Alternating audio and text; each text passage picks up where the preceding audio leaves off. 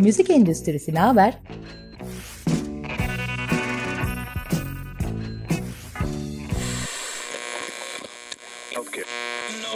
Müzik endüstrisinin her alandaki dinamikleri.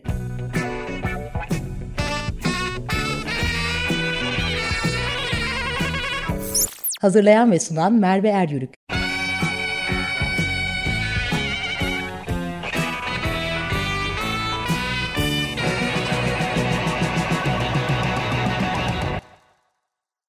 Müzik Endüstrisi Ne Haber programına hoş geldiniz. 15 günde bir yayınlanan programımızda yine endüstrinin en önemli konulardan birini konuşuyor olacağız. Sosyal medya. Bu alanda da müzik endüstrisinin dijitalleşmesiyle birlikte üretiminden tüketimine kadar olan süreç çok kolay ve basit gözükse de aslında kolay ve de basit de olabilir ama şöyle bir datayı önümüze koyduğumuzda zorlu kısmını aslında konuşacağız bir gün içerisinde e, bir dijital platforma yüklenen şarkı sayısı 60 bin.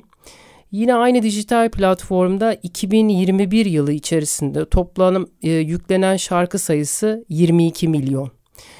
Bu kadar şarkı içerisinde biz hangi şarkıyı dinliyoruz, nasıl dinliyoruz, ne şekilde dinliyoruz kısmında sosyal medya çok önemli bir yer tutuyor.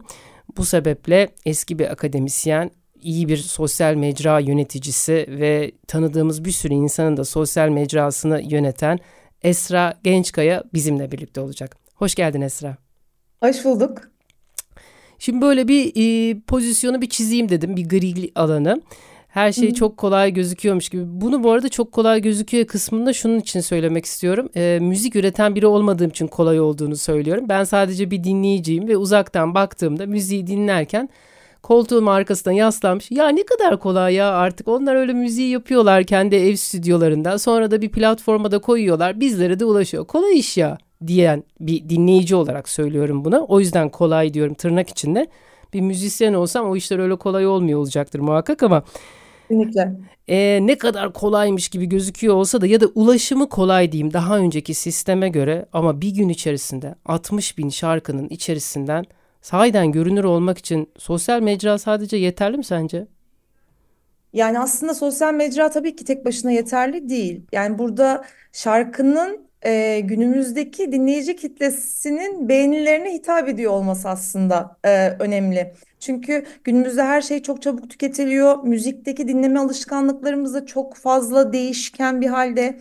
E, Türkiye çok kozmopolit bir yapıya sahip. Bununla birlikte de e, çok farklı müzik e, tarzlarından, janralardan e, dinleyiciler var. E, tabii ki e, bir yandan baktığımızdan evet çok kolay ulaşabiliyoruz aslında artık şarkılara ama işleri çok zor müzisyenlerin yani 60 bin rakam çok zor bir rakam yani. E, o kadar müziğin içerisinde, şarkının içerisinde, sanatçının içerisinde yer edinebilmek e, çok zor. E, tabii ki bunu da sosyal medya ile birlikte desteklemeleri gerekiyor. Olmazsa olmaz artık endüstrinin. Maalesef olmazsa olmazı durumda. Şimdi ben 44 yaşındayım. Eskiden şöyle oluyordu. Dinlediğim gruplar ya da müzisyenler oluyordu. Ben onun albümünün çıkışını ya da yeni bir kişinin çıkışını işte müzik kanalları vardı. Radyo vardı. İşte MTV vardı mesela. Oradan böyle sıkı takip ediyorduk. Bizim Türkçe kanallarda da yok Krallar, Power'lar, Number One'lar vardı. E, müzik dergileri vardı. Orada röportajları takip ediyorduk. Hatta sanatçı ya da müzisyen mesela iki albüm arası yok oluyordu. Biz o sırada biliyorduk dinleyiciler olarak aa yeni bir hazırlığa giriyor herhalde diye heyecanlı bir bekleyiş olup işte o e, klasik medyadan bir şekilde bir haber geldiği vakit takip etmeye çalışıyorduk. Şimdi bu mesela tamamen değişti değil mi? Tamamen değişti çünkü e, yani sistem sanatçıları o kadar e, bence kötü bir e, pozisyona soktu ki e, bu tabii ki bizim tüketim alışkanlıklarımızla da ilgili. Yani sürekli bir şeyleri tüketmeye yöneldik ya toplum olarak yani dünya olarak. E, müzik de buna döndü. Yani eskiden işte dediğin gibi e, sanatçı bir albüm çıkartıyordu. 2-3 yıl biz onu o albümü aslında biz sindirmeye çalışıyorduk, dinliyorduk, dinliyorduk. Ama şimdi albümlerin yerini single'lar e, arada arada AP'ler e, başladı ve bunların süresi de çok azaldı. Yani e, sistem diyor ki bir sanatçı diyor e, benim diyor e, algoritmam içerisinde yer alabilmesi için diyor bana diyor işte bir ay bir buçuk ayda bir şarkı koyması gerekiyor diyor. Ama ben şimdi çalıştığım sanatçılardan bakıyorum. Bir şarkının ortalama yapım süreci, işte onun fikrinin gelmesi, sözlerin yazılması, melodinin çıkması, kaydı, mix, mix mastering, klibi nereden baksan 4-5 aylık bir süreç. Yani bu da şöyle oluyor. Konser programlarının arasında haftanın 3-4 günü stüdyoya girip şarkıyı kaydedip e, sürekli bir şeyler üretmeleri gerekiyor. Yani bu da çok zorlayıcı bir süreç sanatçı tarafında. Ama sistem bize bunu itti. E, biz de zaten dinlerken de e, onlar gibi işte çok hızlı tüketiyoruz bir şeyi. Yani dinliyoruz, aa tamam bu olmadı diyoruz, geçiyoruz. Kendimize uygun bir şarkıyı bulmakla ilgili bir de ekstra dinleyici olarak çaba sarf ediyoruz. Peki, o kadar seçkinin arasından. Peki bir müzisyen olarak evet bu kısmı çok zor. İşte 60 bin şarkı yükleniyor ve her yaş grubunun aslında o 60 bin şarkı içerisinden hangi şarkıyı dinlediği de hedef kitleye göre değişiyor. İşte evet. ben işte dedim ya yaş itibariyle eski repertuar ya da daha önce dinlediğim şarkıları çok dinlemeye açık. 13 yaşındaki oğlum yeni repertuarlara çok açık. Dolayısıyla o bile farklı. Şimdi böyle konuşurken de yanlış konuşuyorum ve yanlış soruyorum aslında sana. O yüzden senin biraz işini zorlaştırıyorum. Yani her müzik türüne göre de farklı, her dinleyici yaş grubuna da göre farklı bir şeyken biz biraz popüler müziği konuşuyoruz diye varsayarak aslında soruyorum ve öyle cevap aldığımı düşünüyorum. Kesinlikle. Ee, şi, e, şunu yapıyor muyduk peki? Eskiden bir de şöyle bir algım vardı. Şimdi sosyal mecra nasıl yönetilir, ne yanlış yapılıyor ve neler yapılması gerektiğini popüler müziğe göre konuşuruz ama şey vardı sanki eskiden e, sosyal mecrayı çok sık kullanmak sanki popüler müzik sanatçılarının ya da müzisyenlerin yapması gereken mesela daha yerel ya da klasik müzikle uğraşan insanların mesela onların bir hedefi bu kadar sosyal medya herhalde aktif kullanmalarına gerek yok. Çünkü dinleyicileri de artık böyle sosyal medyaya çok fazla ilgi duymayan ya da oralardan takip etmeyen kişiler de bilgisi de artık eskide kaldı diye e, düşünüyorum. Katılır mısın bana? E, katılıyorum çünkü e, artık bir şekilde dinleyicilere ulaşmaları için her koşulda e, o sosyal mecrayı kullanmaları gerekiyor. Yani e, eskiden dediğim gibi işte radyo dinliyorduk ya da bir şekilde kasetlerini alıyorduk, CD'lerini alıyorduk, dinliyorduk, televizyonu açıp izliyorduk. E şimdi sanatçıya e, ulaşamadığımız için bir şekilde yani elimizdeki evimizdeki malzemelerle şeyler araçlarla ulaşamadığımız için e, bir şekilde de sosyal medya üzerinden sanatçıya ulaşmaya çalışıyoruz. E bir de e, işte aynı yaştayız zaten. E, eskiden bir sanatçıya hayran olurduk. Ne yapardık? İşte onun yapım şirketine e, mektup yollardık biz bizim janralar bizim dönem.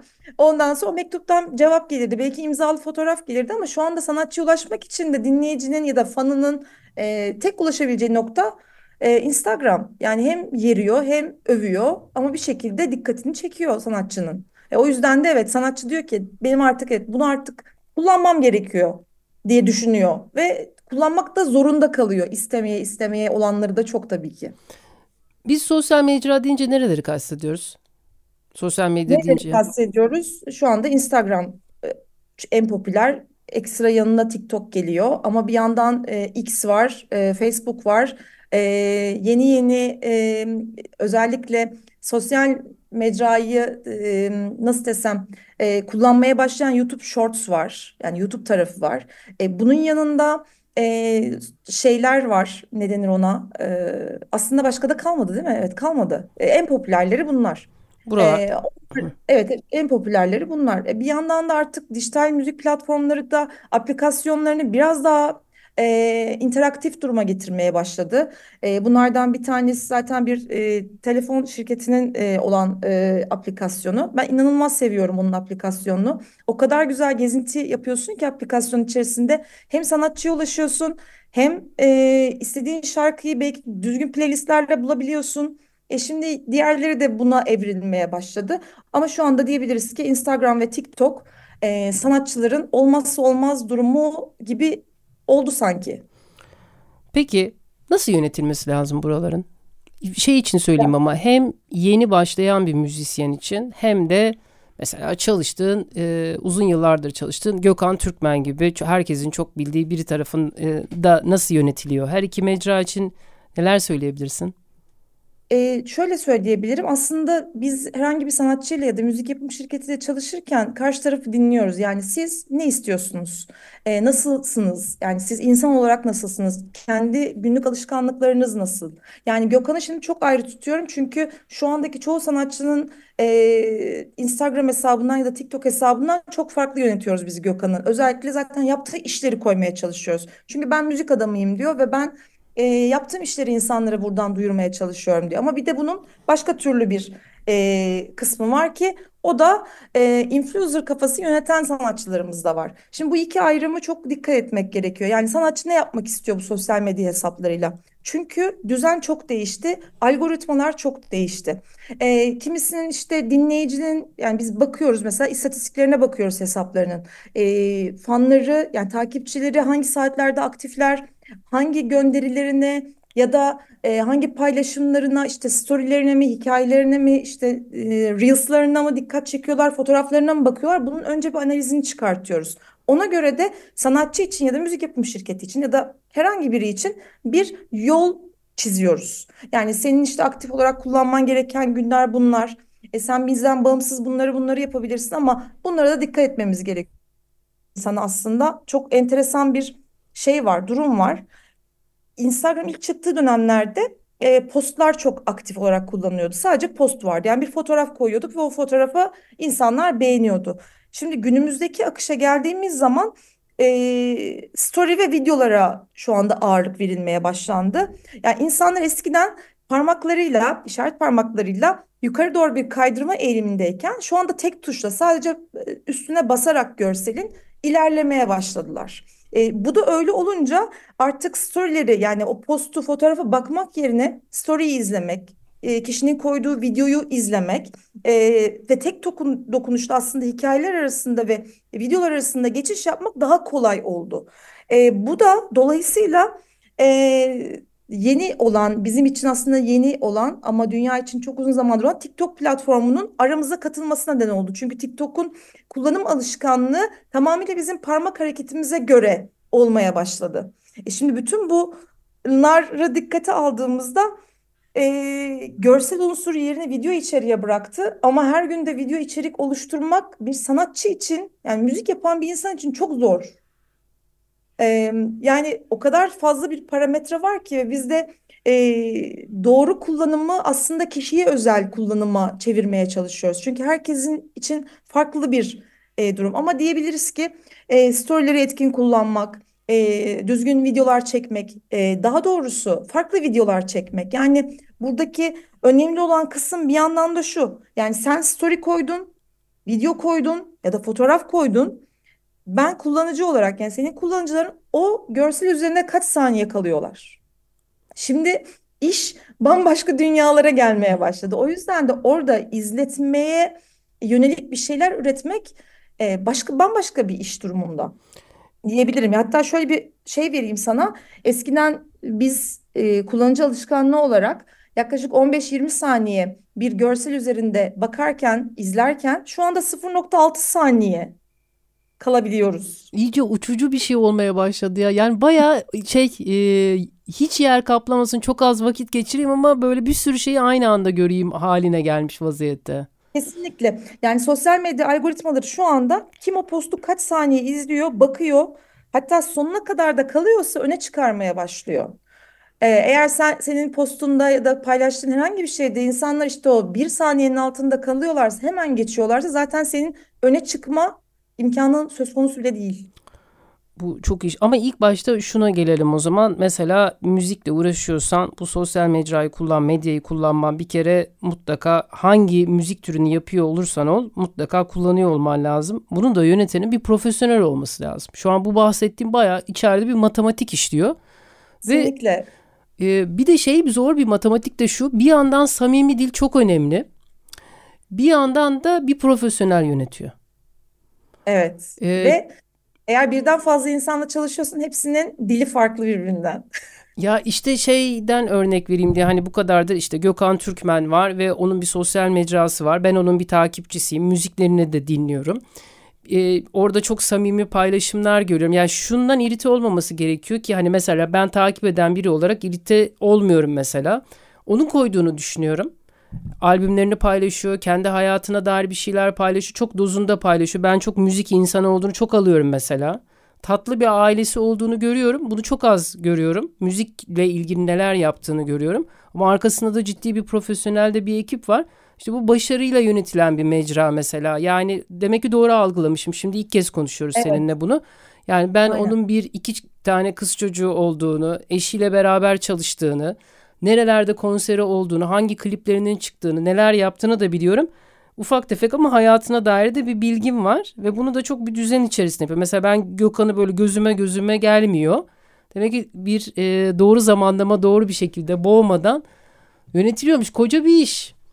Koca koca bir iş. Ya aslında e, benim şimdi çok sevdiğim bir müzisyen arkadaşım var İsa. E, o da genç müzisyenlerden. E, onunla böyle çok dertleşiyoruz arada da anlatıyor yani sıkıntılarını. Hem e, işte dijital platformlar içerisinde yer almasının sıkıntılarını falan. Bana geçenlerde şöyle bir şey söyledi. Esra dedi bir tane şarkı yaptım dedi. E, tam dedi e, şey dijital platformun algoritmasına yönelik dedi. Nasıl yani dedim.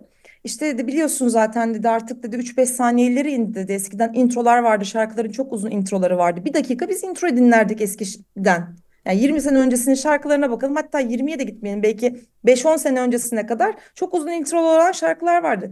Şimdi dedi, şimdi dedi direkt şarkıya giriyorsun dedi. Sözlere giriyorsun dedi. Çözdüm dedi. Ve e, yani yeni konuştum demeyeyim. Bunu bir yıl önce falan konuştum. O şarkısı 1 milyon din, izlenme, dinlenmeyi geçti. Hmm. Yani kafasını artık onlara yormaya başlamış müzisyen. Yani hani ben artık bu sektörün içerisinde, bu platformların içerisinde nasıl kalabilirime uğraşmaya başlamış. Bu çok acı bir yandan da. Evet. E, ve sosyal medyayı da e, artık ben dedi içerik üretmeye başlayacağım dedi. Bir influencer e, olma yolunda ilerleyeceğim dedi. Kendi yaptığı e, işte ufak ufak yarışmalar düzenliyor. Hem hesabına birazcık e, şey, şey gösterim gelsin, erişim gelsin diye. Hem işte değişik değişik videolar çekmeye başladı. Evini stüdyoya çevirmiş, orada bir şeyler yapmaya başladı. Adam e, bir yandan müzik üretmeye çalışırken bir yandan da bunlarla uğraşıyor ve tek başına. E, ben hep çalıştığımız müzisyenlere yeni sektöre girecekleri hep tavsiye ediyorum. Yani bu e, biz Sinem Mehmet'e konuşurken e, hep bunu söylüyoruz bütün arkadaşlarımıza da.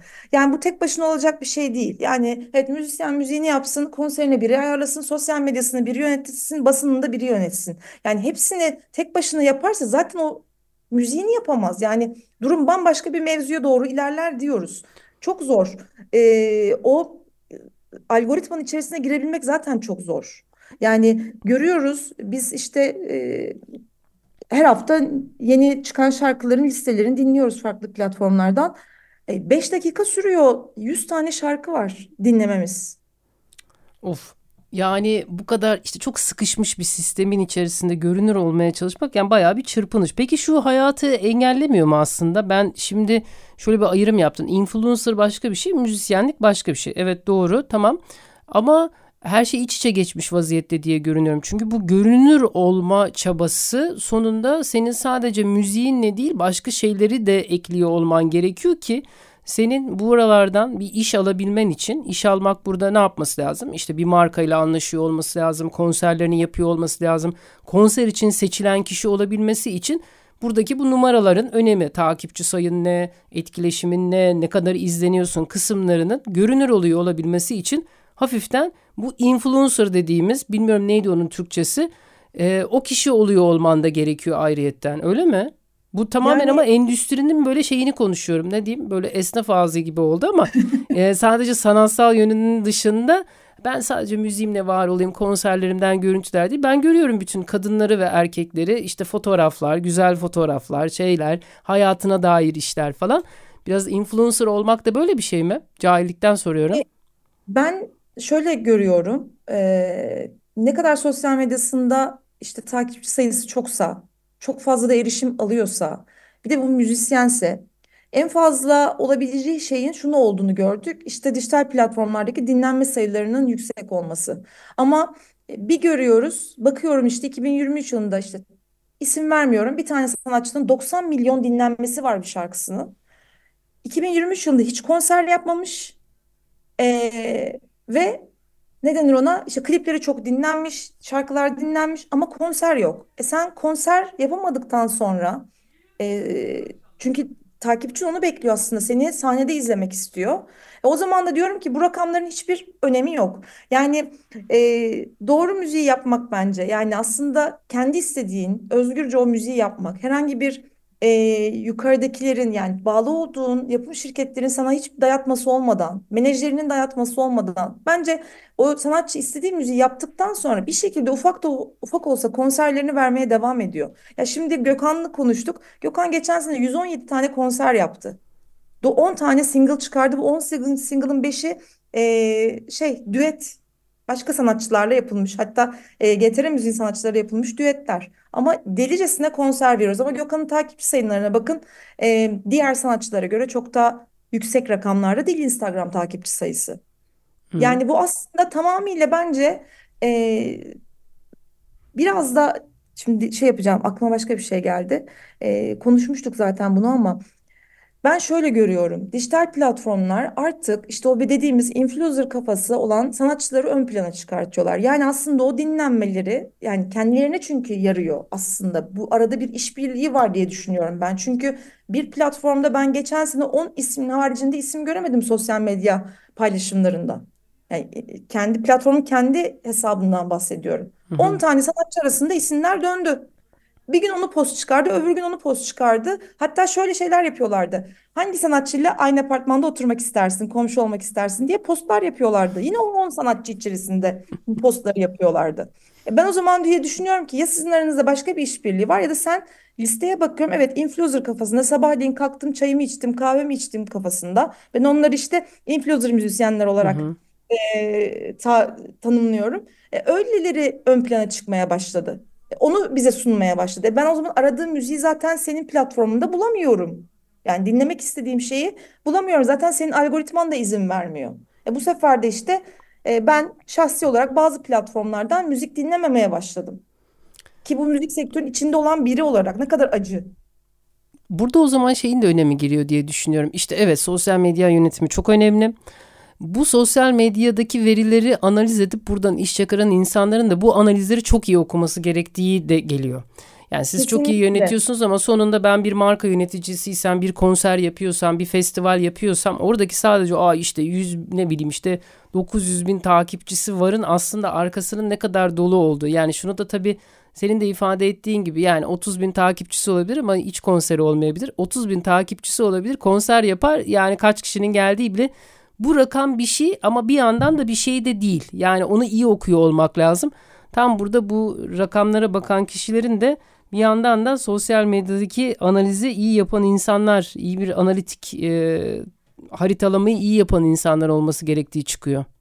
Kesinlikle. Yani aslında hepsi birbirini besleyen Çok, şey. Aynen Tek öyle. Hiçbir şey yeterli değil. Yani Dijital platformlara şarkını yükledin. Bence hiçbir şey değil. Ama işte bir bütün olarak hepsini aynı eş zamanlı çok düzgün bir şekilde kullandığın anda yani şarkın çıkmadan 10 gün önce ufaktan onu push etmeye başladığın anda aa yeni bir şey geliyor.